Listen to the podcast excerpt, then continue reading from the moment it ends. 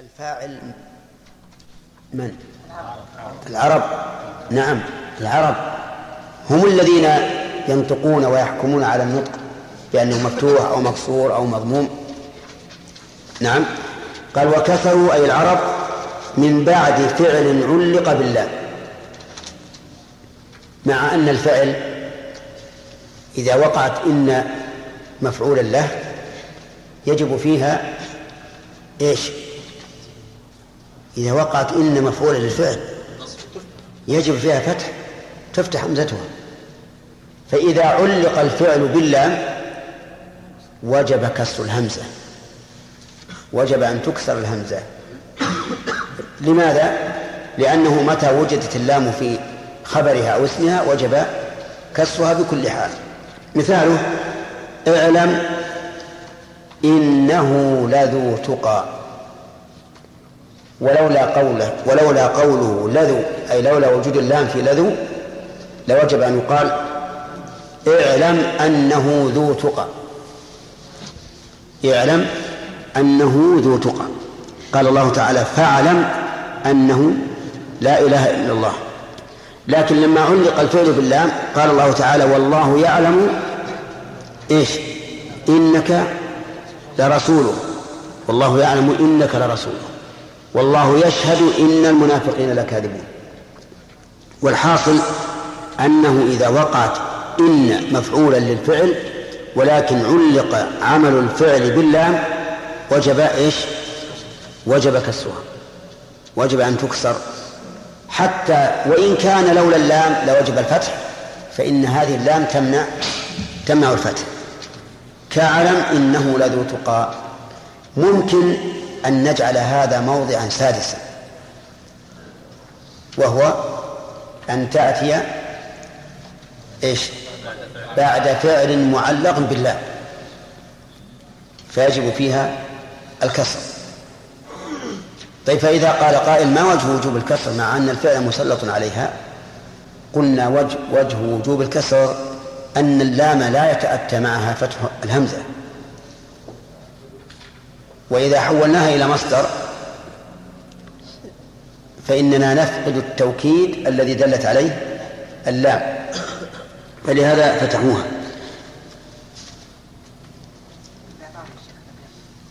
نعم. كيف؟ طيب. قال فاكسر في الابتداء وفي بدء صلة قول آه، في الابتداء جار مجرور متعلق بكسر وفي بدء صلة معطوفة بإعادة حرف الجر أو بإن شئت فقل بإعادة العامل وفي بدء صلة يعني واكسر في بدء صلة. وحيث الواو حرف وحيث ظرف مكان معطوف على قوله في الابتداء أي واكسر حيث وهو مضاف إلى إن مرادا بها إيش؟ اللفظ. ليمين مكملة آه. ليمين متعلقة بمكملة. ومكملة يجوز أن تكون منصوبة على أنها حال من إن ويجوز أن تكون مجرورة. نعم. لا, لا يصح أن تكون مجرورة. وأنا ذكرت لكم في الأول أن حيث مضافة إلى إن. باعتبار اللفظ. وهذا أحد القولين في النحو أنه يجوز أن أن تضاف حيث إلى المفرد. ولكن المشهور أن حيث لا تضاف إلا إلى الجمل. وبناء على هذا المشهور نقول إن مبتدأ ومكملة خبره خبر مبتدأ ولكن غالب عبارات الفقهاء رحمهم الله الإضافة إضافة حيث إلى ما بعدها. خلاف المشهور في اللغة العربية. وقد جاء ذلك في اللغة العربية. كما قال الناظم أو الشاعر ألم ترى حيث سهيل طالعا نجما يضيء كالشهاب لامعا ألم ترى حيث سهيل طالعا؟ فلذلك نقول إن المشهور في إعراب الشرط الثاني أن حيث معطوف على قوله في الابتداء وأن إن مبتدأ ومكملة خبر مبتدأ واليمين متعلقة بمكملة. قال أو حكيت بالقول حكي فعل ماضي مبني المجهول وبالقول متعلق به أو حلت محل حال أو هذه معطوفة على أو حكيت نعم. على قوله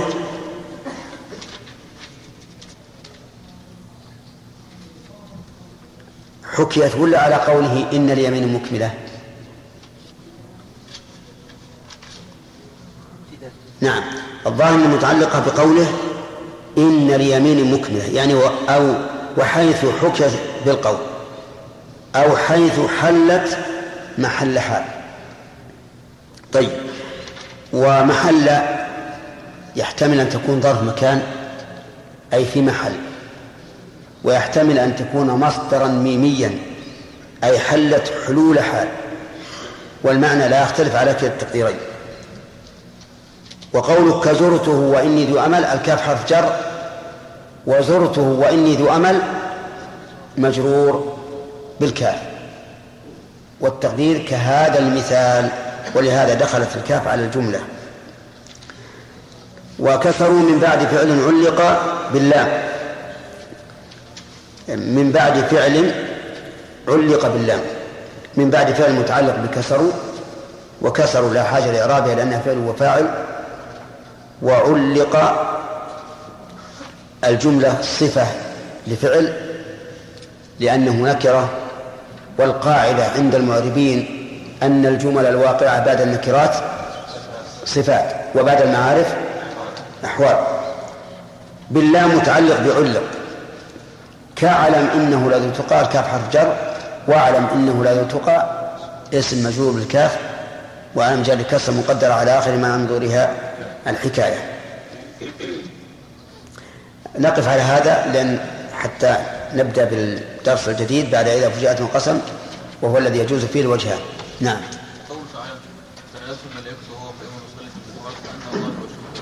كيف؟ أن الله يبشرك بيحيى هذا هو أول مصدر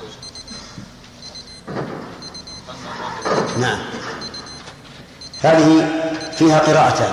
إن الله وأن الله.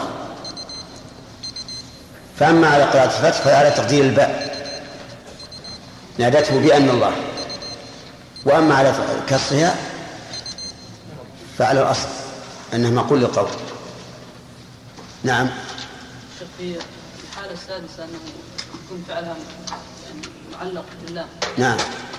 هذا في أفعال القلوب فقط أم كيف؟ في أفعال القلوب فقط أم في كل فعل؟ كلام مالك دعا على العموم من بعد فعل علق بالله. عام. نعم. الراجح من القولين في لا الراجح المشهور عند العرب. أنها لا تضاف؟ إلا إلى جملة. ولهذا عندما تكتب رسالة أو شيء تقول حيث فلان في البيت. ما تقول حيث فلان في البيت؟ لأن هذا هو المشهور. نعم. إذ مثل حيث. وألزموا إضافة إلى الجمل حيث وإذ. وإن ينون يحتمل إفراد إذ ها؟ كيف؟ يجوز هذا صحيح لا نجعل أن وما دخلت عليه مبتدأ نعولها بالمصدر كيف تكون إن مبتدأ؟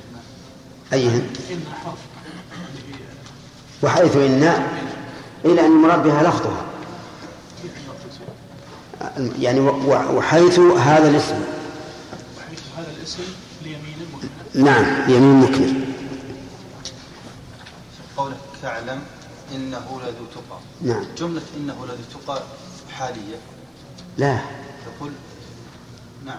هذه لو- لولا إن لا لوجب نصبها لأن اعلم تنصب مفعولين. فلما جاءت إن صارت الجملة هذه مستأنفة مستقلة يعني. نصب قول لا. سدت سدت مسد مفعولين. مفعولي اعلم حلفت بالله إنه لصادق نعم. كيف تكون جواب القسم؟ ما في قسم صريح. حلف. صراحة القسم قد تكون بال- بالواو والباء والتاء وقد تكون بالفعل. وعندنا الآن حلفت بالله في الفعل والباء حلفت طيب حلفت إنه إنه لصادق نفس. الشيء نعم. وهذا يجوز فيها الوجهان حلفت إنه بل يت- يتعين الكسر يعني عندنا اللام. كلما جاءت اللام في اسمها أو خبرها فيتعين الكسر ما يحتاج. نعم. شيخ حكاية اللفظ ال- الذي يستعمله مالك. هل هذا خاص بالنظم أو يجوز لا لا في غير نظم في كل مكان. نعم شيخ حفظك الله ذكرنا بالامس ذكرت بالامس لا يقال إن إن حرف توكيد منصب فقط. صح. فالا يقال بأن إن إنما غيرت المبتدأ إلى النصب والخبر في الأصل مرفوع وش قلنا إحنا؟ كنا هذا غير صحيح. هي جدت جدت رفعا جديدا. غير الأول. غير الأول. ابن مالك يقول ترفع كان المبتدأ. شوف ترفع المبتدأ. ما قال تبقيه على حاله. ترفع كان المبتدأ اسما والخبر تنصبه وقال لي إن أن ليت لك لكنك أن عكس ما لكان من عمل. نعم. إذا وقعت في جواب القسم ذكر الشارح شرط أن تكون اللام تكون إيش؟ تكون باللام وش هو؟ يعني أن تقع جواب القسم وفي خبرها اللام والله إن زيد لقائم ما هو شرط إذا وقع جواب القسم وإن لم يكن فيها اللام ما هو شرط ما ذكر بعد مثال آخر؟ إذا ما ما هو شرط.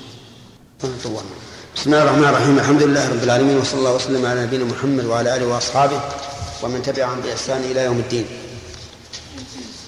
سبق أن المؤلف رحمه الله ذكر مواضع لكسر إن وضابط وضابطا لفتحها. فالضابط لفتحها بندر إذا سد ما سدها المصدر. والعدد في كسرها. أي نعم. أولا. في ابتداء إيش؟ ابتداء الكلام ولا ابتداء الجملة؟ الكلام ابتداء الكلام. لا في ابتداء الجملة ابتداء الجملة أي في ابتداء الجملة. طيب. ثانية عقيلي في بدء صلة. ثالث عبيد عبيد؟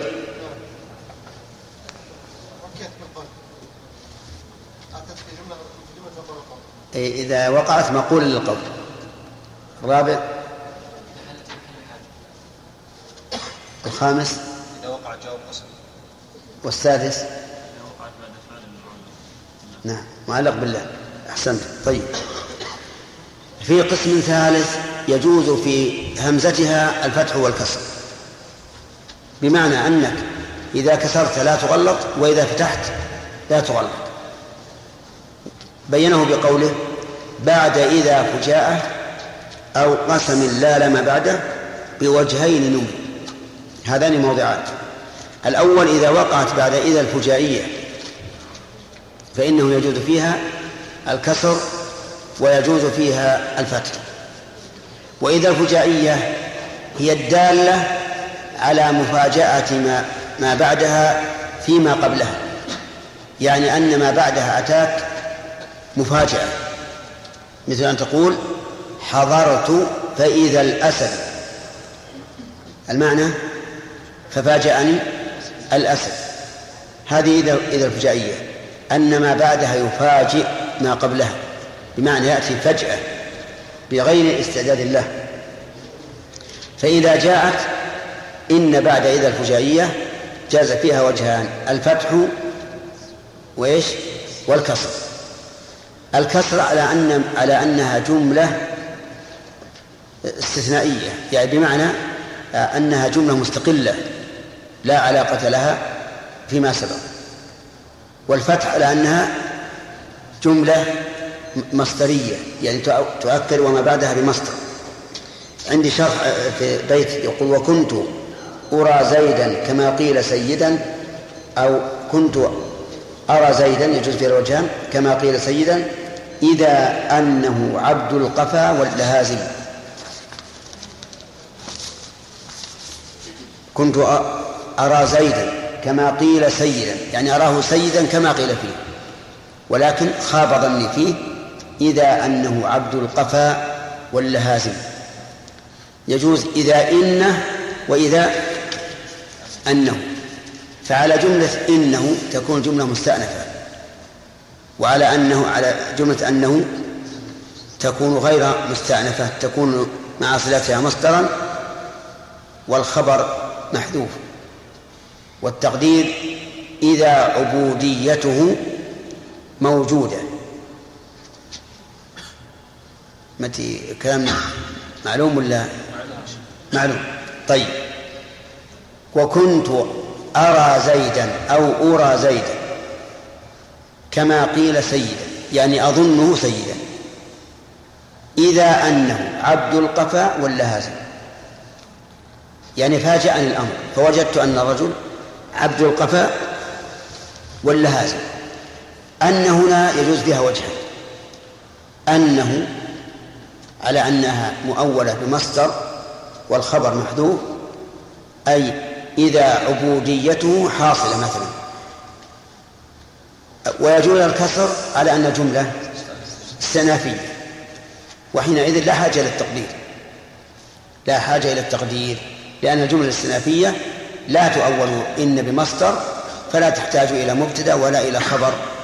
والجملة إنه عبد القفا واللهازم الجملة كما ترون تامة أو غير تامة؟ تامة. لا تحتاج إلى شيء محذوف. واضح عباس؟ طيب. إذا نقول إذا وقعت إذا إذا وقعت إن بعد إذا الفجائية فلك في همزتها وجهان. الفتح على أنها تسد مسد المصدر ويجب في هذا الحال أن يقدر الخبر محذوفا.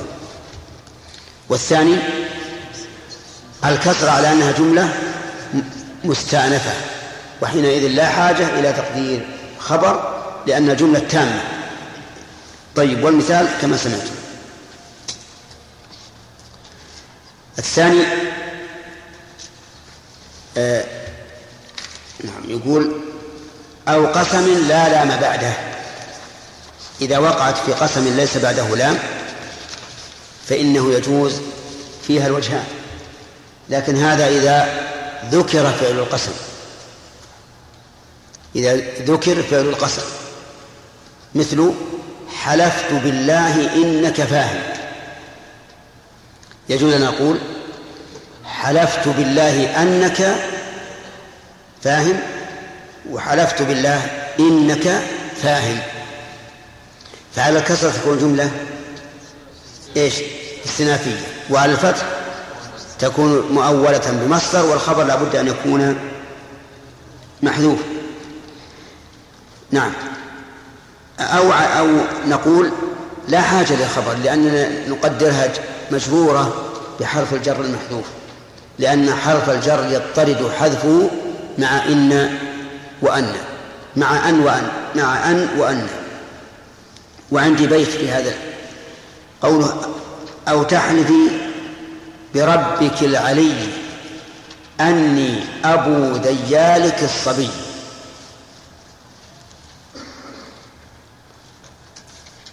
أو تحلفي بربك العلي أني أبو ذيالك الصبي. يجوز في أن الفتح ويجوز الكسر. فعلى الكسر نقول إن الجملة مستأنفة أي تحلف على هذا الوجه إني أبو ذيالك الصبي. وعلى الفتح نقول الجملة في موضع الاسم المفرد الذي حذف منه حرف الجر والتقدير أو تحلفي بربك العلي بأني أبو ذيالك الصبي. لأن حذف الجر حذف حرف الجر مع أن وأن يضطرد كما قال ابن مالك في الألفية.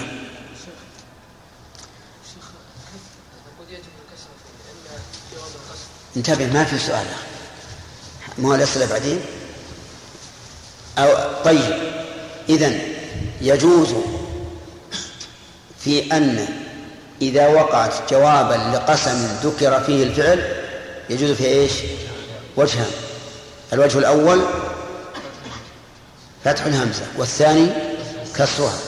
فعلى الكسر تكون الجملة استئنافية وعلى الفتح تكون الجملة منصوبة بنزع الخافض في محل نصب بنزع الخافض وتقدر الخافض مناسبا للمقام.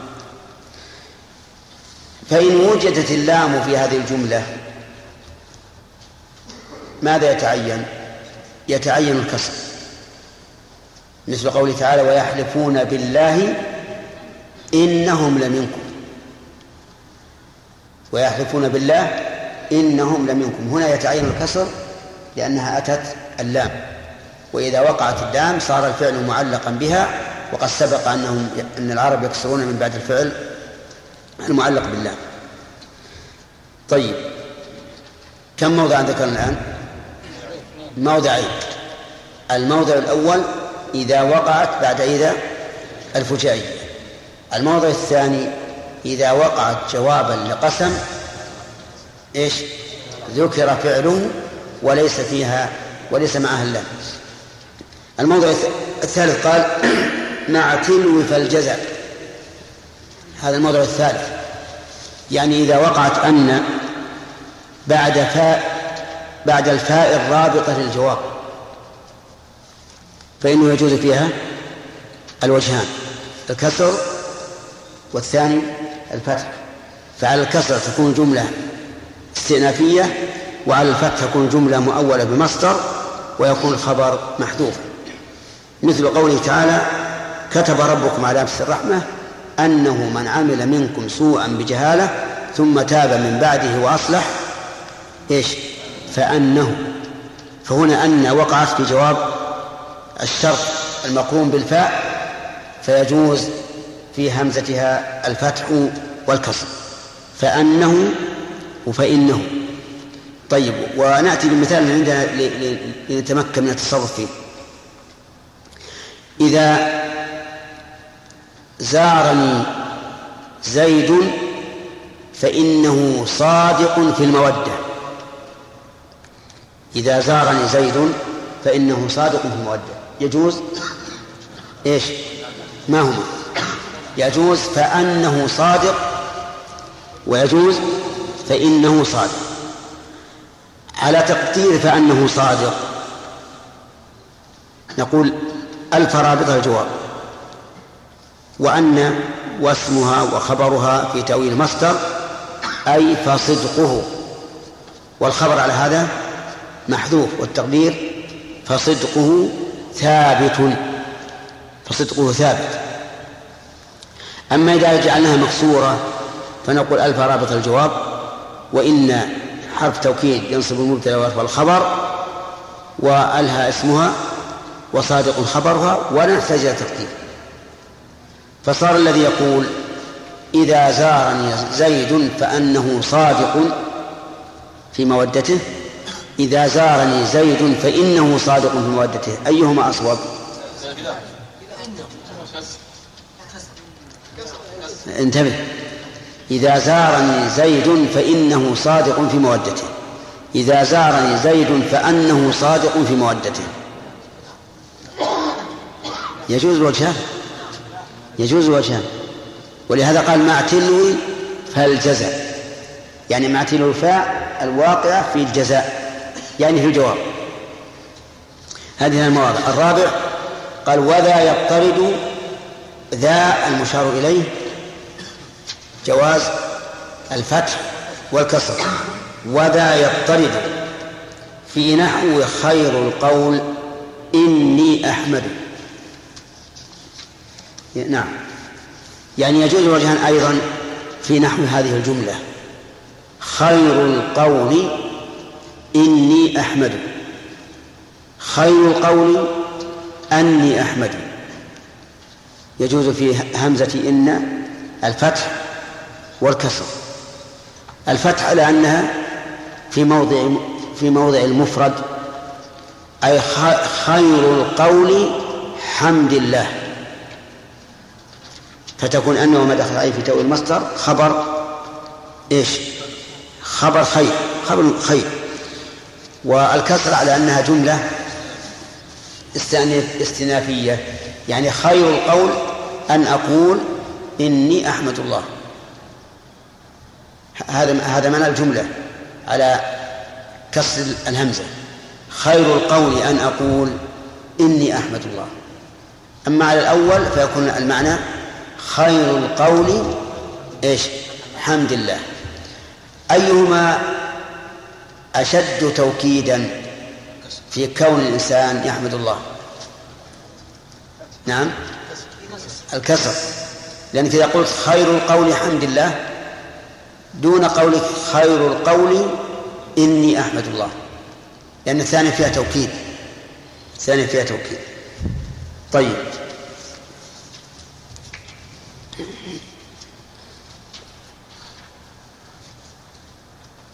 يو. نقرأ؟ انتهى الوقت الآن؟ ها؟ طيب الإعراب. إعراب ال- الصحيح. ما نبهتنا عليه. الإعراب. قوله بعد إذا فجاءة أو قسم إلى لما بعده بوجهين نمي. بعد ظرف. متعلق بقوله نمي. وبعد مضاف وإذا مضاف إليه وإذا مضاف وفجاءة مضاف إليه. أو قسم معطوف على على إذا ولا فجاءة؟ على إذا يعني أو بعد قسم. لا لام بعده لا نافع الجنس ولا ما اسمها وبعده الظرف متعلق بمحذوف خبر لا نافع الجنس والجملة في موضع إيش؟ لا في موضع الجر صفة لقسم. بوجهين جار ومجرور متعلق بنمي. وعلى هذا نمي التي هي الفعل نعم. ونمي فعل ماض مبني لإيش؟ لا. لما لم يسمى فاعل. أحسن من قولك المجهول.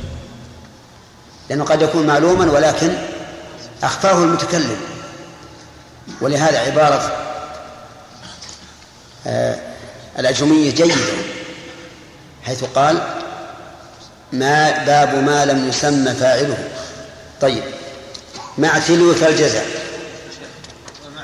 إيش؟ ها؟ أي معنى؟ نعم.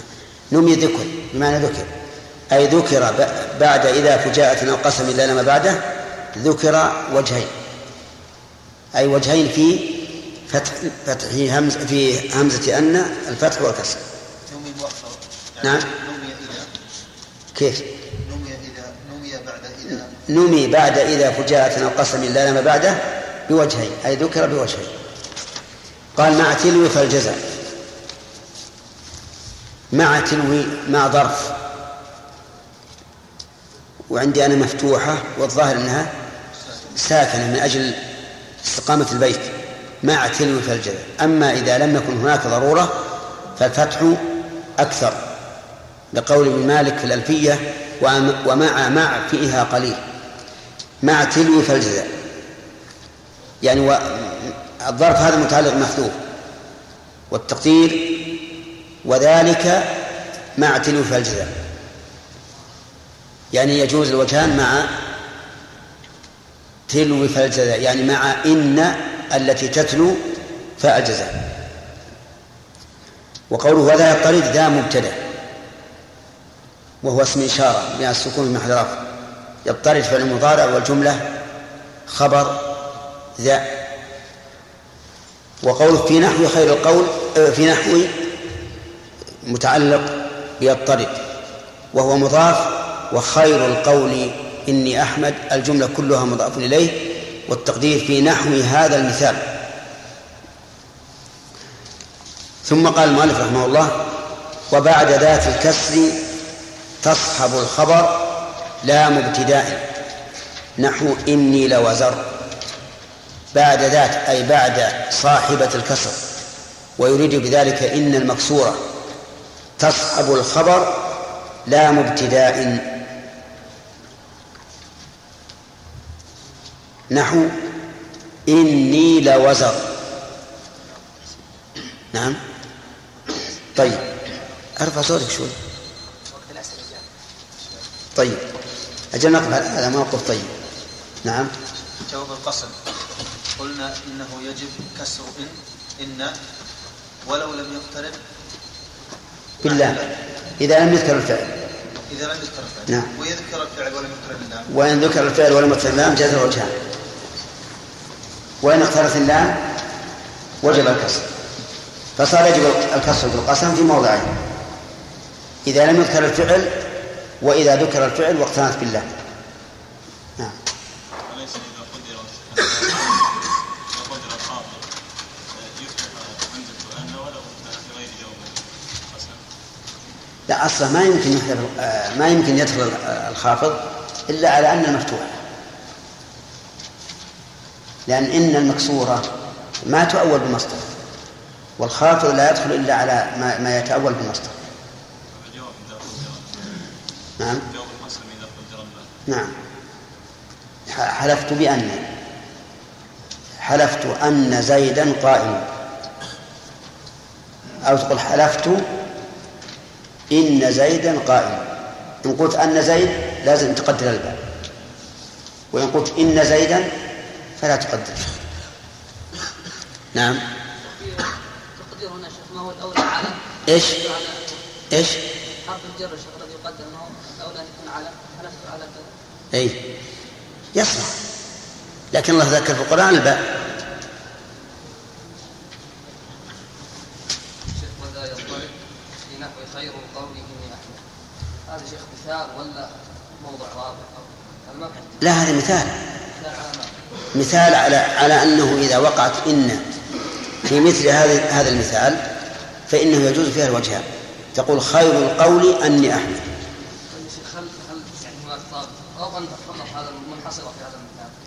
لا مو يصح تقول مثلا افضل القول أني أحمد الله.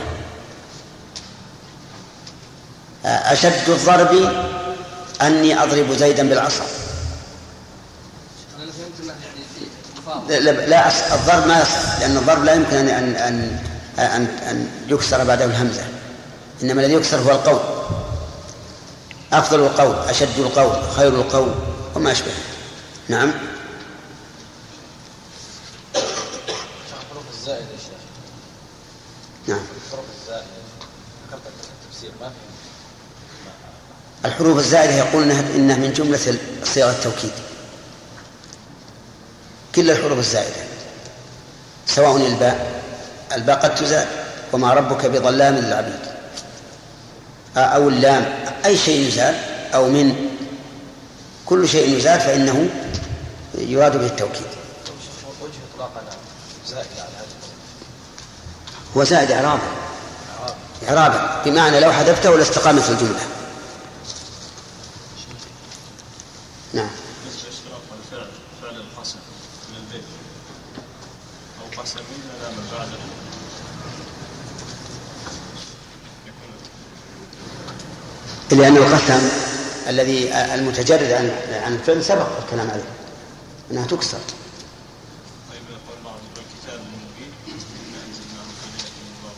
نعم.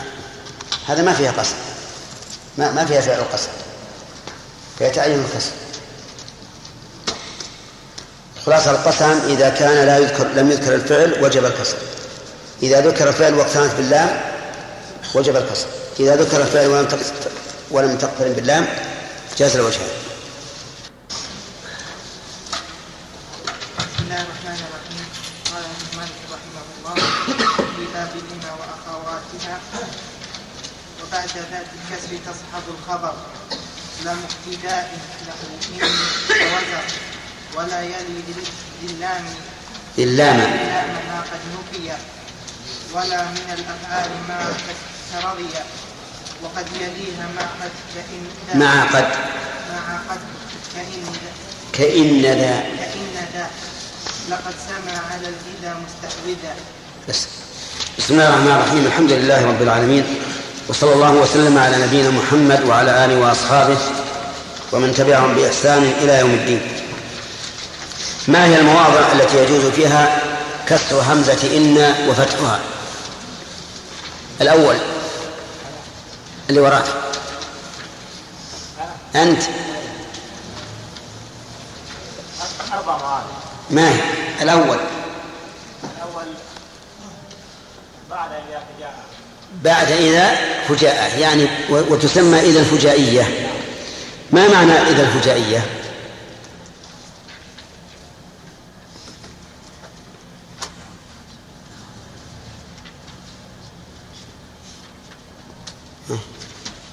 يفاجئ ما بعدها ما ب- ما بعدها ما قبلها نعم. بحيث لا يكون متوقعا فيأتي مفاجأة. المثال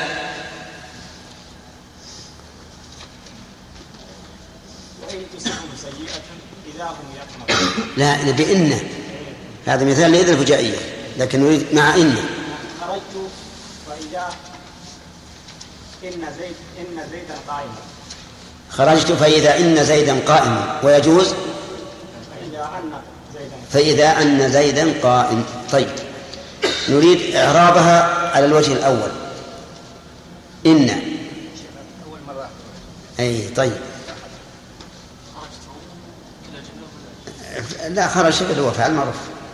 فإذا إن زيدا قائم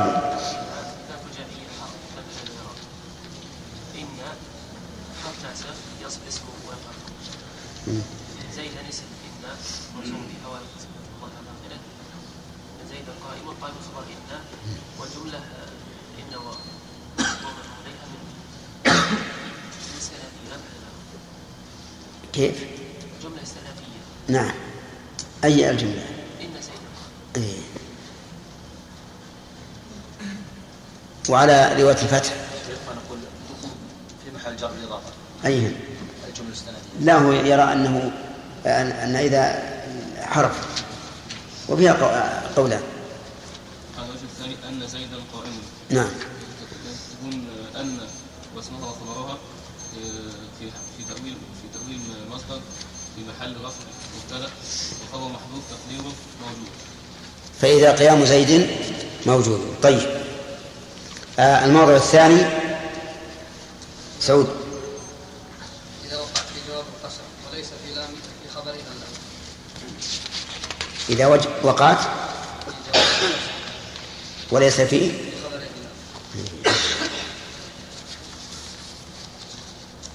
ما في شرط آخر؟ ما في شرط ثاني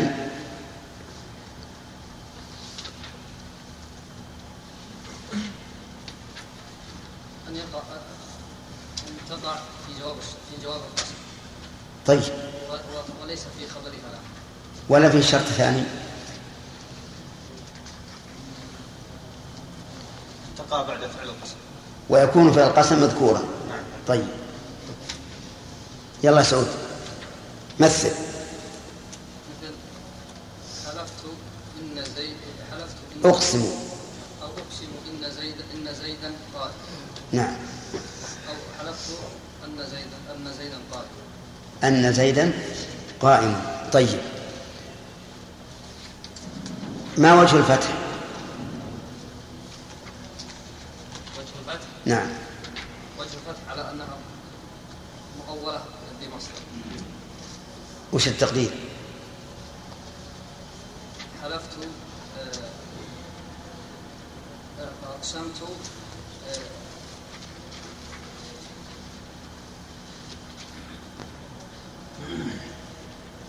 أقسمت ب- ب- آه، ب- بأن بأن زيدا قائم هل أنت أقسمت بقيامه ولا على قيامه؟ أقسمت على قيام التقدير إذا؟ على نعم. أقسمت على قيام زيد. وعلى رواية الك... على وجه الكسر وعلى وعلى وجه الكسر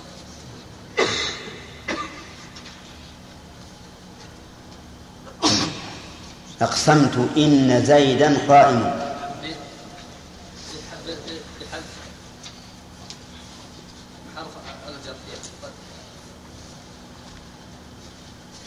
عبيد. تكون جملة استئنافية. كذا؟ طيب. أما إذا لم يذكر في القسم فإنه يجب الكسر سواء ذكرت اللام أم لم تذكر. وهذا هو مذهب البصريين وضعفوا مذهب الكوفيين القائل بأنه يجوز الكسر مع حذف فعل القسم. وقالوا إن ذلك ليس بصحيح ولم, ولم يرد. نعم. ها؟ والله إن زيدا قائم. والله إن زيدا قائم ولا يجوز أن تقول والله أن زيدا لأنه لا وجه للفتح.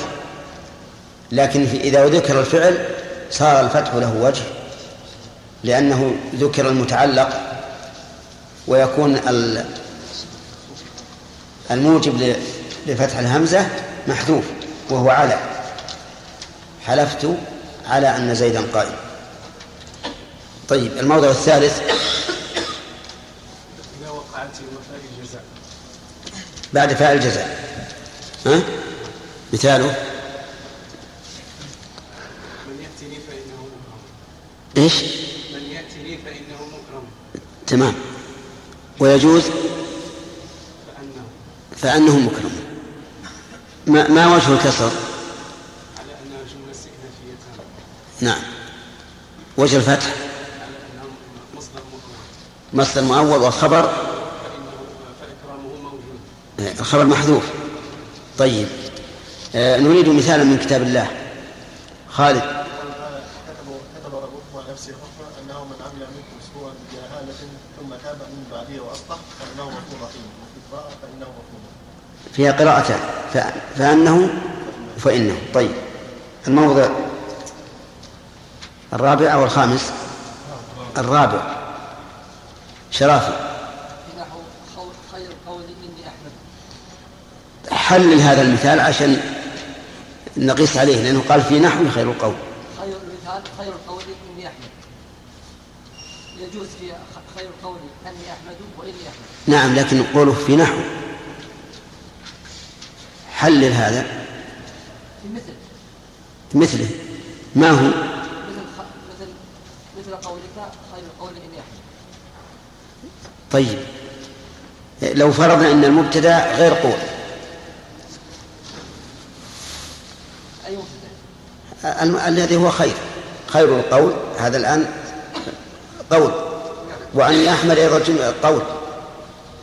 لو لكن لو فرضنا أن تقول خير الحال أني آكل. ما في قول لا في المبتدأ ولا في الجملة. نعم. إذن يكون مبتدأ قول. وخبر إن؟ خبر إن. قول. لقول أني أحمد. طيب آه، ما وجه الكسر؟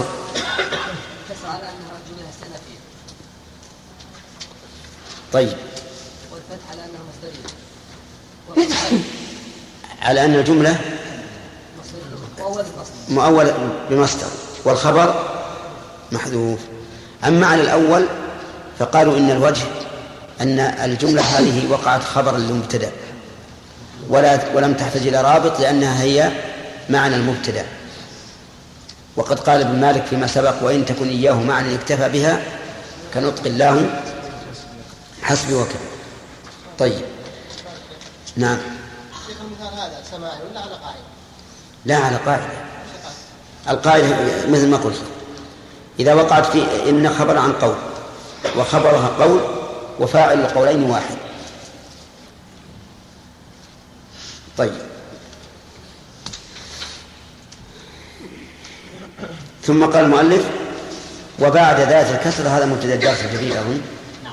وبعد ذات الكسر تصحب الخبر لا مبتداء نحو إني لوزر. قوله بعد ذات الكسر ظرف متعلق بتصحب. والخبر في قول تصحب الخبر مفعول تصحب. ولام ابتداء فاعل تصحب. وتقدير الكلام وتصحب الخبر لام ابتداء بعد ذات الكسر. وما هي ذات الكسر في هذه الحروف الستة؟ هي إن. وبقي من الحروف خمسة. فظاهر كلام المؤلف أن الخمسة لا تصحب خبرها لام الابتداء. فأن لا تصحب خبرها لام ابتداء وليت لا تصحب وكأن لا تصحب ولكن لا تصحب. لا تصحب لام الابتداء إلا إيش؟ ذا إن المكسورة نحو إني لوزر. يعني إني لقوي. فإن هنا مكسورة واللي اسمها وزر خبرها واللام للابتداء. فإذا قال قائل كيف أو لماذا نسميها لام ابتداء وهي متطرفة في الخبر؟ قلنا لأن الأصل أن تقع في المبتدأ يعني في أول الجملة ولكنها تأخرت لوجود إن وإن للتوكيد واللام للتوكيد قالوا فلا ينبغي أن يجمع بين مؤكدين في أول الكلام ولهذا يسم يسمونها اللام المزحلقة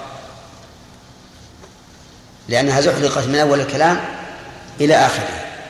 فلا يجوز أن تقول لإني ذو وزر لإني ذو وزر هذا ممنوع. ولا ولا يجوز أن تقول إن لزيدا قائم. عرفتم؟ طيب. ويجوز أن تقول إن زيدا لقائم. فمواضع اللام إذن ثلاثة. قبل إن وبعدها وقبل الاسم وبعد الاسم وقبل الخبر. ما هو الموضع الجائز؟ الأخير. ولهذا قال تصحب الخبر لا مبتداء نحو إني لوزر. طيب ليت لو قال قائل هل يجوز أن أقول ليت زيدا لقائم؟ لا, لا. علمت أن زيدا لقائم؟ لا, لا. ما قام زيد لكن زيدا لقائم لكن عمرا لقائم؟ كذلك. كأن زيدا لأسد. لا يجوز لأن المؤلف خص الجواز بذات الكسر. ثم قال ولا يلي ذي اللام ما قد نفي. ولا يلي ذي اللام ذي اسم إشارة مبني على السكون في محل نصب مفعول به مقدم وما فاعل مؤخر وهو اسم موصول. وقد نفي الجملة صلة الموصول. ولا من الفعل إلى آخره. يعني أن لام أن لام الابتداء التي تقع في خبر إن لا يليها ما نفي. لماذا؟ لأن اللام للتوكيد والنفي لعدم التوكيد. اللام تدل على الإثبات المؤكد والنفي بخلاف ذلك. فلا يمكن أن يجمع بين الشيء ونقيضه أو ضده. فلا يصح أن تقول إن زيدا لما قام. كيف؟ إن زيدا لما قام؟ هذا نفي وهذا إثبات فلا يصح. وقال بعض بعض المعربين إن أنه يصح بعض النحويين قال يصح. ويكون هذا توكيدا للنفي لا توكيدا للإثبات. وقال بعضهم إنه إن الممنوع حرف النفي لا الاسم الدال على النفي. فيجوز إن زيدا لغير فاهم.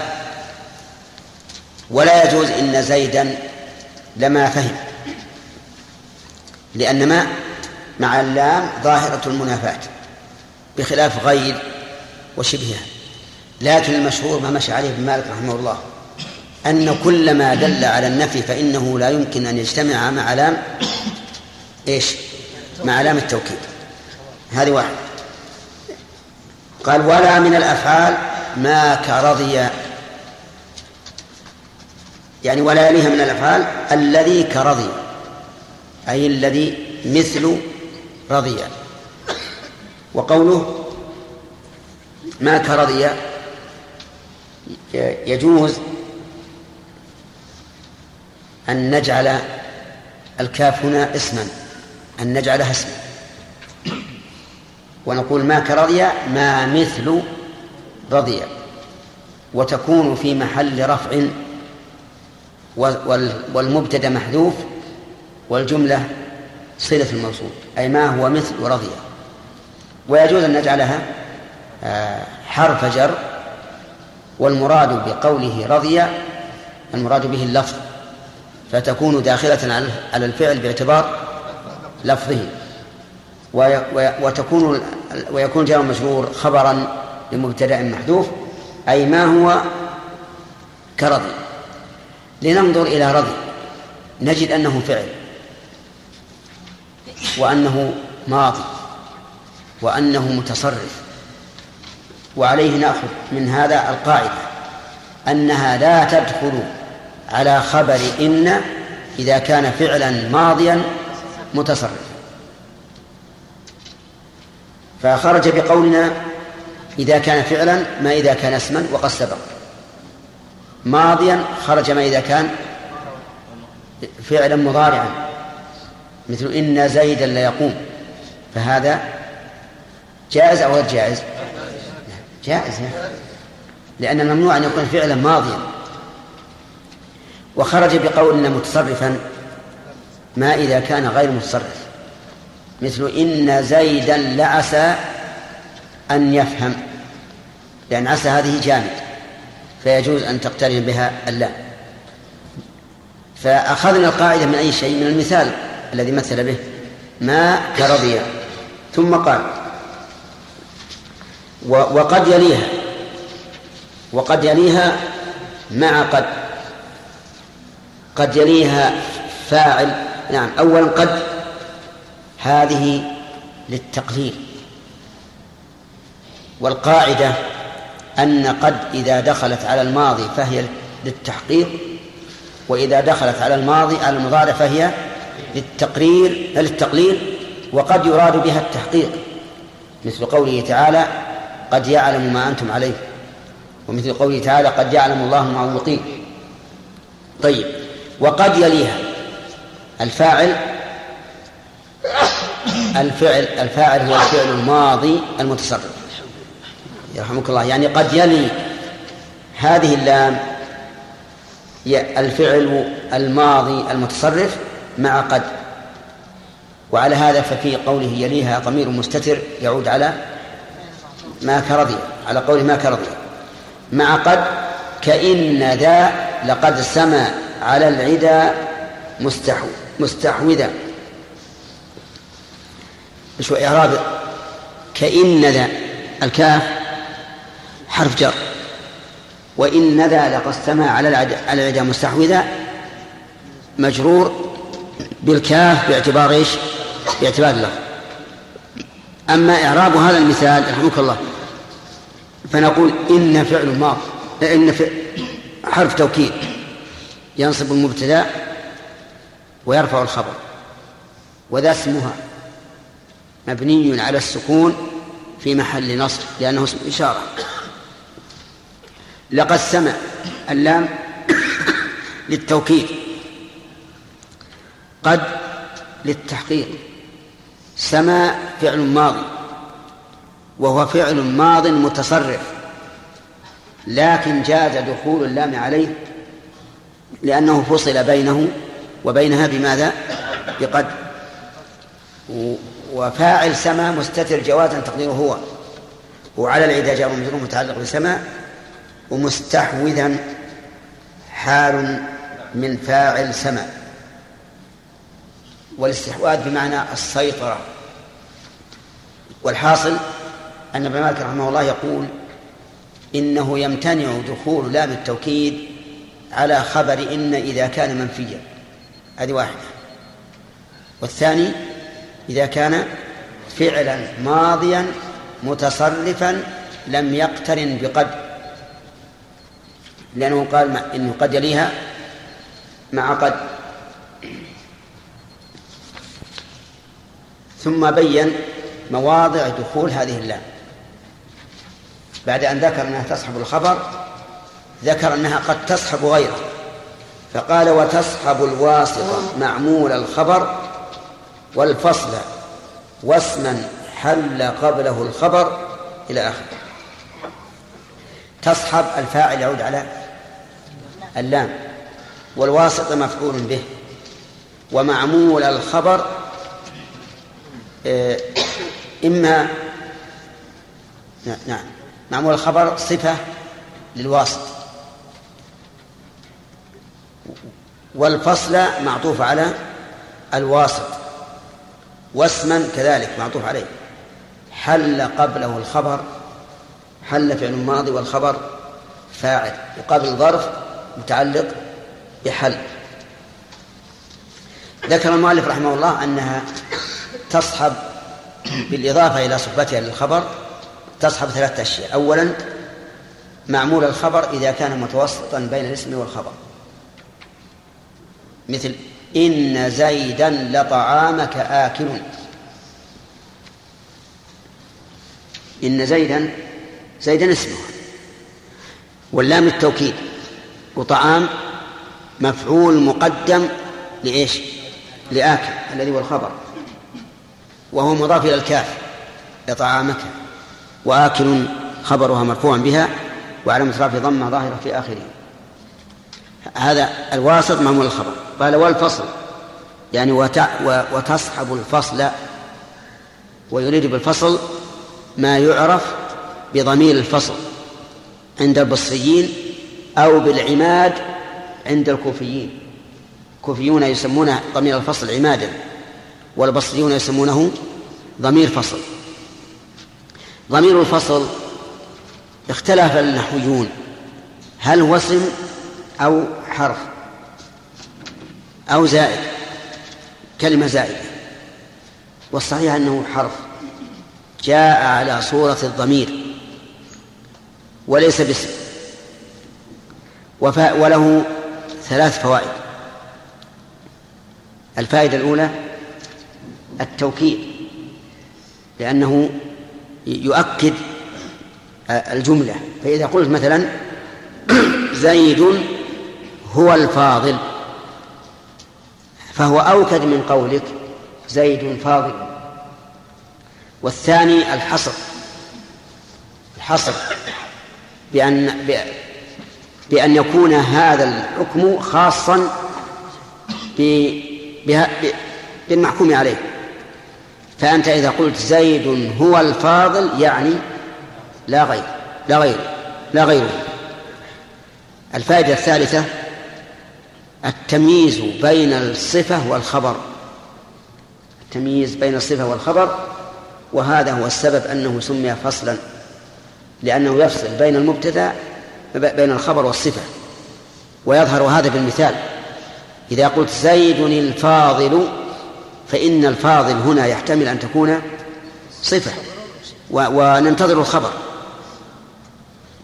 مثل أن نقول زيد الفاضل موجود. فإذا قلت زيد هو الفاضل تعين أن يكون الفاضل خبرا. إذا فائدة ضمير الفصل نعم ثلاث فوائد.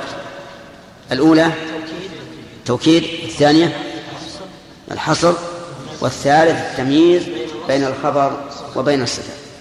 إذا إذا وجد إذا وجد ضمير الفصل بين بين اسم إن وخبرها فإنه فإن اللام تدخل عليه. تقول إن زيدا لهو الفاضل. قال الله تعالى إن هذا لهو القصص الحق. إن هذا لهو الفضل المبين. والأمثلة في ذلك كثيرة. نعم. الثالث واسما حل قبله الخبر. يعني وتصحب هذه اللام الاسم إذا حل قبله الخبر ومن لازم حلول الخبر قبله أن يكون متأخرا. فكأنه قال والاسم إذا تأخر عن الخبر فإن اللام تقترن فيه. قال الله تعالى إن في ذلك لعبرة إن في ذلك لذكرى. والأمثلة على هذا كثيرة. فصارت اللام لام التوكيد تصحب أمورا أربعة. الخبر ومعموله المتوسط وضمير الفصل والاسم المتأخر. لكن لا تصحب الخبر إلا بشروط أن يكون مثبتا لقوله ولا يلي اللام ما قد نفي. الثاني أن لا يكون فعلا ماضيا متصرفا. لقوله ولا من نعم غير مقترن بقد فعلا ماضيا متصرفا غير مقترن بقد لقوله ولا من الأفعال ما كرضي وقد يليها مع قد والله أعلم. نعم. اي لكن مع مع التفريق. يعني الآن إذا قلنا تمنع من اقترانها بالاسم وذلك لمباشرتها إن نعم. لأنها تجمع بين المؤكد نعم نعم. ولذلك أجزناه إلى- إذا تأخر. إذا تأخر. نعم. يعني متى بعد عن الإن؟ جاز. أي نعم نعم. متى فصل بينه وبين الانجاز اي نعم إن الله يأمر بالعدل. نعم. الموضوع الثاني؟ في بدء صلاة في بدء الصلة مثاله من القرآن؟ وآتيناه من الكنوز ما إن مفاتحه لتنوء بالعصبة. نعم. مثاله من القرآن؟ لا. قاعدة مثال. قال إني عبد الله طيب ثالث. ما ليش؟ ما كنت حاضرا ولا إذا وقعت جوابا لقسم نعم. مثاله والله م- لا ما هو القرآن قليل فيها. والله والله إني لصادق والله إني لصادق ما نريد اللي فيها اللام. والله إني صادق. نعم. ها؟ نعم. لا هذه قاعدة. هم الست مواضع هات اللي بعد. قلناها. وفي ابتداء الصلة قلناها. في ابتداء الجملة قلناها.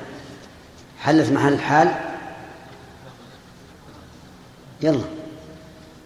إذا حلت محل الحال. أحسنت. مثاله وما أخرجك ربك من بيتك بالحق وإن فريقا من المؤمنين لكاذبون وإن طيب. ما. ما تحتمل الاستئنافية تحت تحتمل. ما نبي شيء ما يحتمل. ما في مانع. طيب. زرته وإني نعم. صحيح. السادس. بعد فعل علق بالله مثاله. إنه هذا عدد موجود في القرآن بكثرة. نريد من القرآن.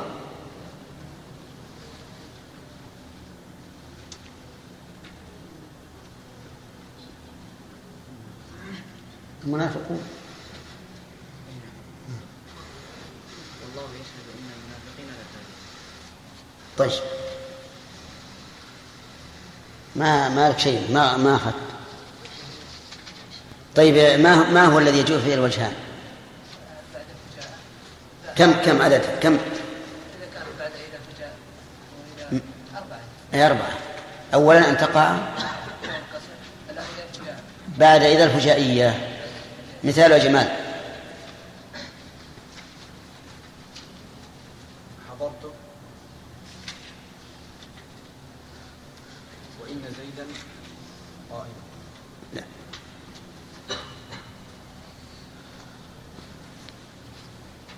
نعم. نعم أي إذا أنه بعد إذا أنهى جيب البيت. لأن هذا معناه. وكنت أرى زيدا. كما قيل. إذا أنه القفاء ولا هذا. طيب. يجوز إذا أنه وإذا إنه. تمام. بعده.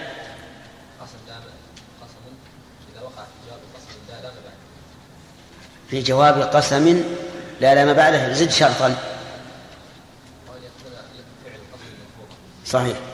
مع وجود فعل القسم تمام. مثاله؟ حلفت. نعم. إن زيدا قائم. يجوز؟ طيب. مثال من الشواهد.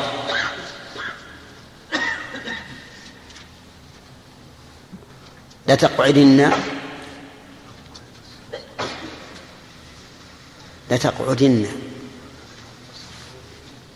أو تحلفي بربك ولا عشان التقسيم. ما يخالف خير إن شاء الله. أو تحلف بربك العلي أني أبو زين. طيب اللي بعده؟ نعم. إذا وقعت بعد فاء الرابطة للشرط مثل يقول عز وجل ثم فأنه أنه اقرأ هي التي تأتي بالشرط.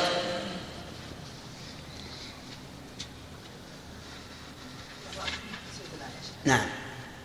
أنت أظن سمعت؟ ما سمعت ومن يعص الله ورسوله فأنى له نار نعم هذه على القياس صحيح. لكن هل فيها قراءة فإن أو فأن يعني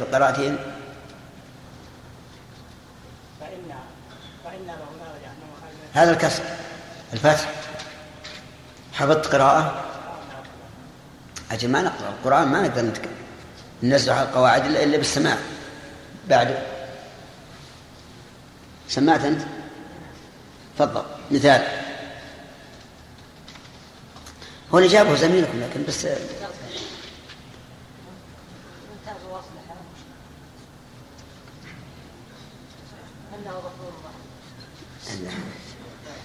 نعم. ومن أعرض عنه فإنه يحمل يوم من أعرض؟ عندك فيها قراءتان؟ وشو الأمثلة صحيحة على مقتضى القاعدة لكن القرآن ما نقدر إلا لأن القراءات مسموعة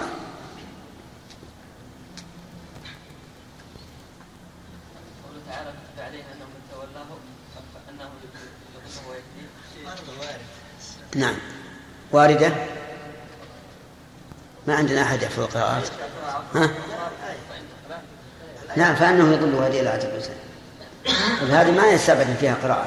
لكن المتيقين نحن أنه من عمل منكم سوءا بجهالة ثم تاب من بعده وأصلح فأنه غفور رحيم وفيها قراءة فإنه. ومثال من عندك اللي بعدك. مثال من عندك في هذا في هذه المسألة.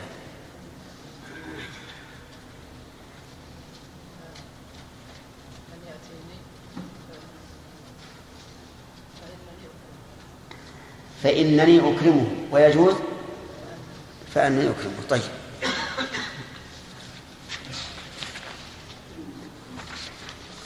يوسف الموضع الرابع الموضوع الرابع يكون في نحو خير القول إني أحمد إيه. جبت المثال ولا القاعدة أن تكون واقعة في جواب في خبر. في خبر في لا. في خبر مبتدئ مضمن معنى القول.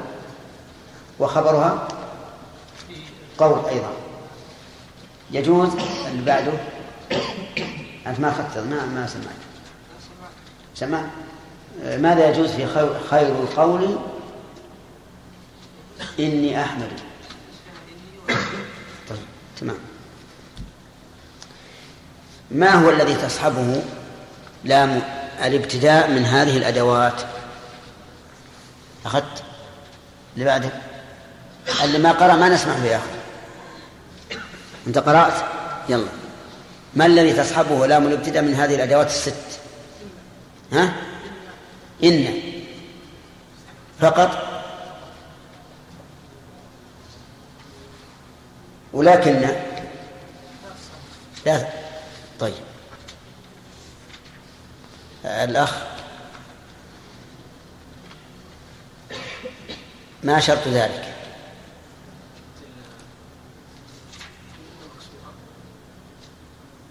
نعم تصحب اللام ابتداء تكون من العذر يعني اللام تؤخر عن عن إن لا تصحبه نبي شروط يعني. يعني إيه ما يخالف زحلقناه وحطنا بالآخر لكن الشروط. ما يسبق نفي نعم. لا يسبق نفي؟ ما لا. ما يعني نعم. ألا تدخل على على منفي. طيب هذه واحدة ولا على فعل ماضي متصرف على فعل ماضي متصرف. مثل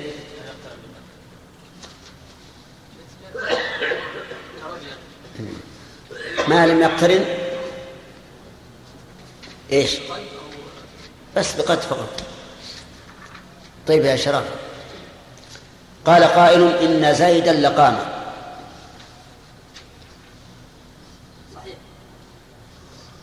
إن زيدا لقام لقام إيه؟ لماذا؟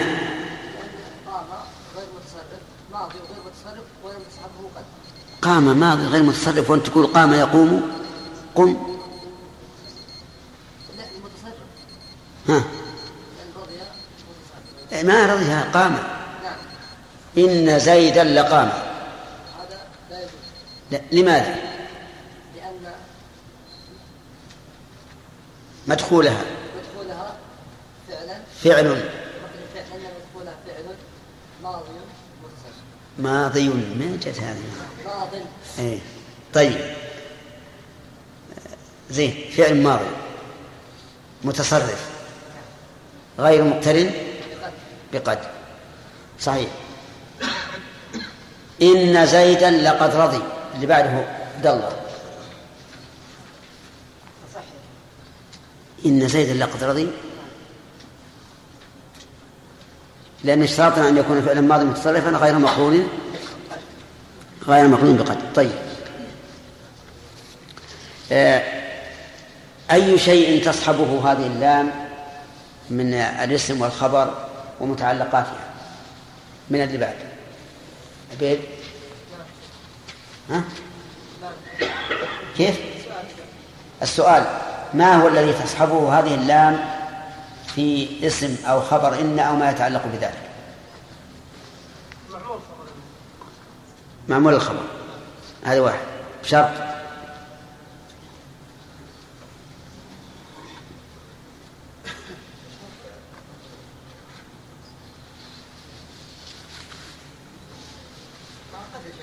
ها؟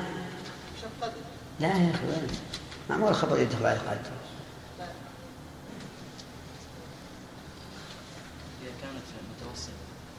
بشرط أن يكون بين الاسم والخبر. طيب. عرفت؟ وتص... إيش مالك يقول وتصحب الواصف. ها؟ كيف؟ الله المستعان. أنا قلت بشرط. أن تقول تدخل على معمول الخبر فقلت لك بشرط. ولا أجد بالشرط طيب أن يكون إيش؟ متوسطا. طيب. هل يجوز؟ إن لطعامك زيدا آكل لماذا؟ أحسنت. طيب.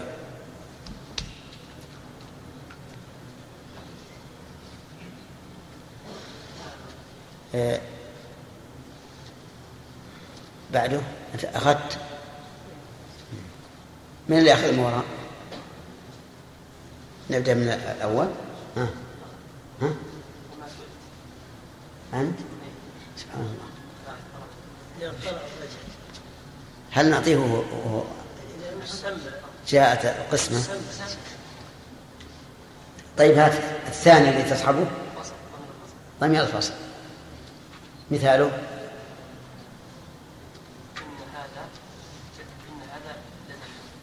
كيف؟ إي صحيح هذا لا بأس لكن في القرآن كثير. اللي في القرآن كثير ما نأتيك منه. إن هذا له القصر. صح. طيب. لماذا سمي فصلا؟ فصل انه يفصل بين التمييز والخبر تمييز؟ الصفه بين الصفة والخبر. طيب. صحيح. ما هي فائدته؟ نعم. الحصر والتمييز تمييز بين إيش؟ التمييز التمييز بين المبتدا والخبر لا. بين الصفه التمييز بين الصفه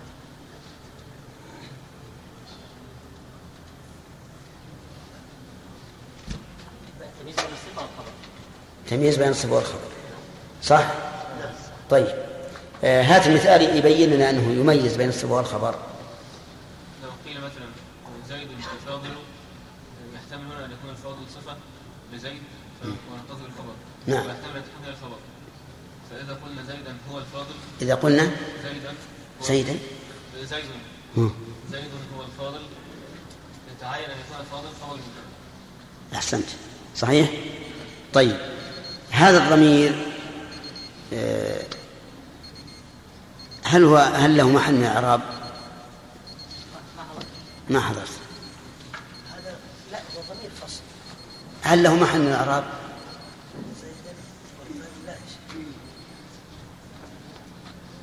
تأكد. إن زيدا هو لا لا أربع بنفسك أربع أربع بنفسك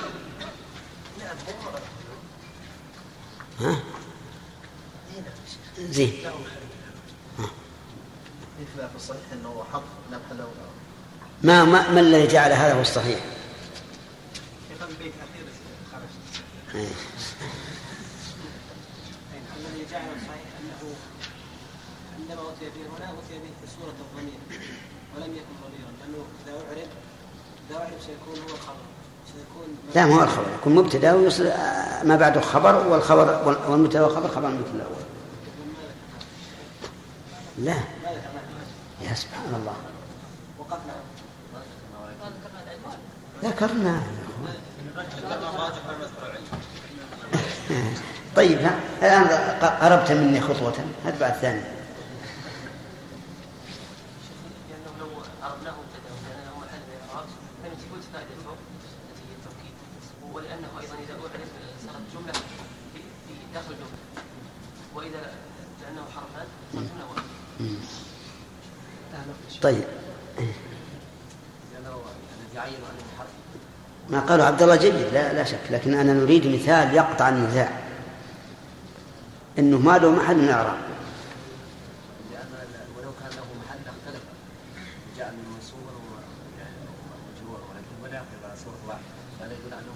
هو هو لا أصلا هو مبني ما يتغير.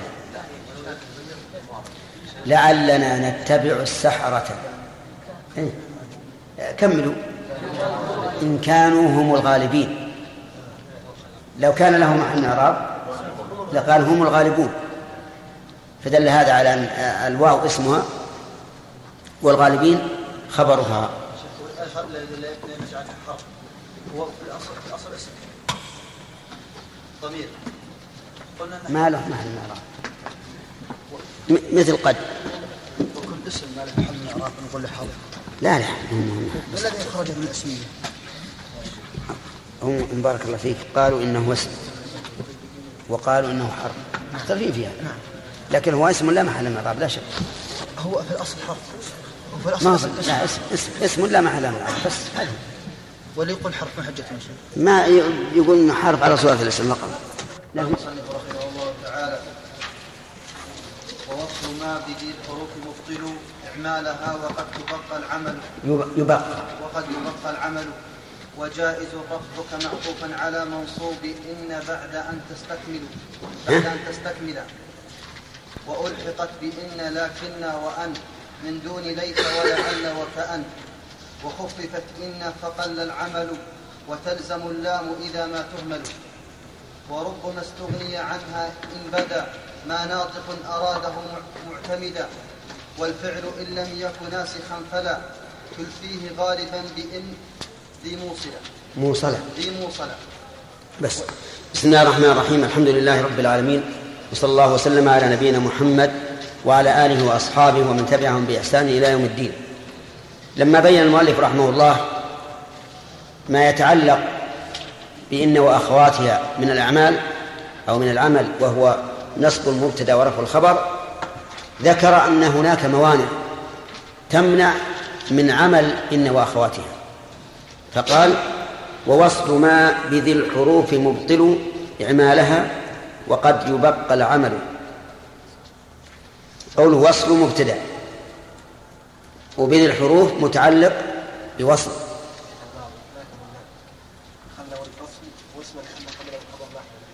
لا أخذناه طيب. ووصل ما بذي الحروف مبطل. وصل مبتدأ وهو مضاف إلى ما وبذي الحروف متعلق بوصل ومبطل خبر وصل. وقول إعمالها يجوز فيه وجهان. النصب على تقدير أن مبطل منونة والجر على تقدير أنها مضافة. غير منونة فتكون مضافة. فتقول مثلا على الوجه الأول مبطل إعمالها. وعلى الوجه الثاني تقول مبطل إعمالها. ولكن المعنى الأول أولى. أي أن تكون منصوبة ليكون الاسم ليكون اسم الفاعل بمنزلة الفعل. كأنه قال وصل ما بذي الحروف يبطل إعمالها. وقد يبقى العمل قد هذه للتقليل ويبقى فعل مضارع مبين لما لم يسمى فاعله والعمل نائب الفاعل. يقول رحمه الله إن وصل ما وهي حرف. بهذه الحروف يبطل عمله. وأنا قلت وهي الحرف احترازا من ما الموصولة. فإن ما الموصولة لا تبطل لا تبطل عملها لأن ما الموصولة تكون هي الاسم. مثل قوله تعالى إنما توعدون لآت. ما هنا؟ لم تبطل عمل إن لماذا؟ لأنها اسم موصول. يعني إن الذي توعدونه لآت. طيب. مثال ذلك تقول إن زيدا قائم. هي الآن عاملة ولا غير عاملة؟ إن زيدا قائم. عاملة طيب. وتقول إنما زيد قائم. يجب أن أن تهملها. وأن يكون زيد بعد النصب مرفوعا. إنما زيد قائم. وهنا هل يختلف المعنى فيما إذا اتصلت ماء التي أبطلت العمل؟ هل يختلف المعنى كما اختلف الإعراب أو لا؟ الجواب نعم يختلف. فأنت إذا قلت إن زيدا قائم لا يمنع أن يكون غيره قائما أيضا. لكن إذا قلت إنما زيد قائم فهذا عدد حصر. حصرت زيد في القيام. حصرت زيدا في القيام. وربما يكون أيضا حصرته نعم حصرت زيدا في القيام فلم يقم غيره. لكن هذا لا يتعين إلا إذا قلت إنما زيد القائم. فهنا يتعين انحصار القيام بزيد. طيب إذن يختلف المعنى. وتقول مثلا علمت أن أن زيدا قائم صح, علمت أن زيدا قائم دخل عليها ما؟ علمت أن ما؟ إيش؟ زيد قائم ولا يمكن أن تعمل. طيب وتقول كأن زيدا فاهم. صح؟ صحيح. أدخل ما؟ كأنما زيد فاهم. وتقول ليت الطالب ليت الطالب حريص ليت الطالب حريص صح. طيب. وتقول ليتما الطالب حريص. ليتما الطالب حريص. تهملها. لأنها إذا دخلت ماء فإنها تبطل العمل وتسمى هذه أعني ماء تسمى كافة. ليه؟ لأنها كفت هذه الحروف عن العمل. طيب. قال المؤلف رحمه الله وقد يبقى العمل. قد يبقى. قد هذه للتقليل. يعني قد تدخل ماء على هذه الحروف ويبقى العمل. لكنه قليل كما أشار إليه ابن مالك رحمه الله. وظاهر كلامه أنه قليل في جميع هذه الأدوات. لأنه قال بذي الحروف ثم قال وقد يبقى العمل. فيكون بقاء العمل بعد دخول ماء على هذه الحروف يكون قليلا في كل هذه الأدوات. لكنهم يقولون أعني النحويين يقولون إنه لم يسمع إلا في ليت أي لم يسمع أن العمل بقي مع ماء إلا في ليت لا في غيره. وعلى هذا فيكون التقليل في كلام ابن مالك باعتبار الأدوات لا باعتبار الجمل. قد يبقى العمل وأنت إذا نسبت إذا نسبت ليت إلى هذه الأدوات صارت إيش؟ قليلة ولا كثيرة؟ قليلة لأنها واحد من ستة. فيكون قد يبقى العمل التقليل هنا باعتبار أعيان هذه الأدوات. لا باعتبار الكل ووروده قلنا ذلك من أجل أن يوافق كلام غيره كلام غيره من النحويين رحمهم الله. مثال ذلك في ليت. تقول ليت ما زيدا قائما. أعملتها أو أهملتها؟ ليت ما زيدا قائما. أعملتها. ليت ما زيد قائم. أهملتها. وقد روي بالوجهين قول الشاعر قالت ألا ليتما هذا الحمام لنا إلى حمامتنا ونصفه فقد فقد بمعنى فقط. قالت ألا ليتما هذا الحمام لنا. وفي رواية قالت ألا ليتما هذا الحمام لنا. أيهما الذي أعمل؟ الأول ولا الثاني؟ الأول. الحمام لنا. والذي تقوله زرقاء اليمامة. زرقاء اليمامة يقولون إنها امرأة ذات بصر قوي جدا وأنها ترى مسافة ثلاثة أيام على الراحلة وأنه مر بها فرق من الحمام. فأدركت عدده وقالت إن عدده تسع وتسعون حمامة. ومعلوم أن عدد تسع وتسعين حمامة سوف يمضي الحمام بعيدا قبل تمام هذا العدد. ومع ذلك أدركته. يقولون إن فرقة هذا الحمام ورد على ماء على ماء فيه شباك. وصيد بهذا الماء. وحسن فوجدوه كما قالت تسعا وتسعين حمامة.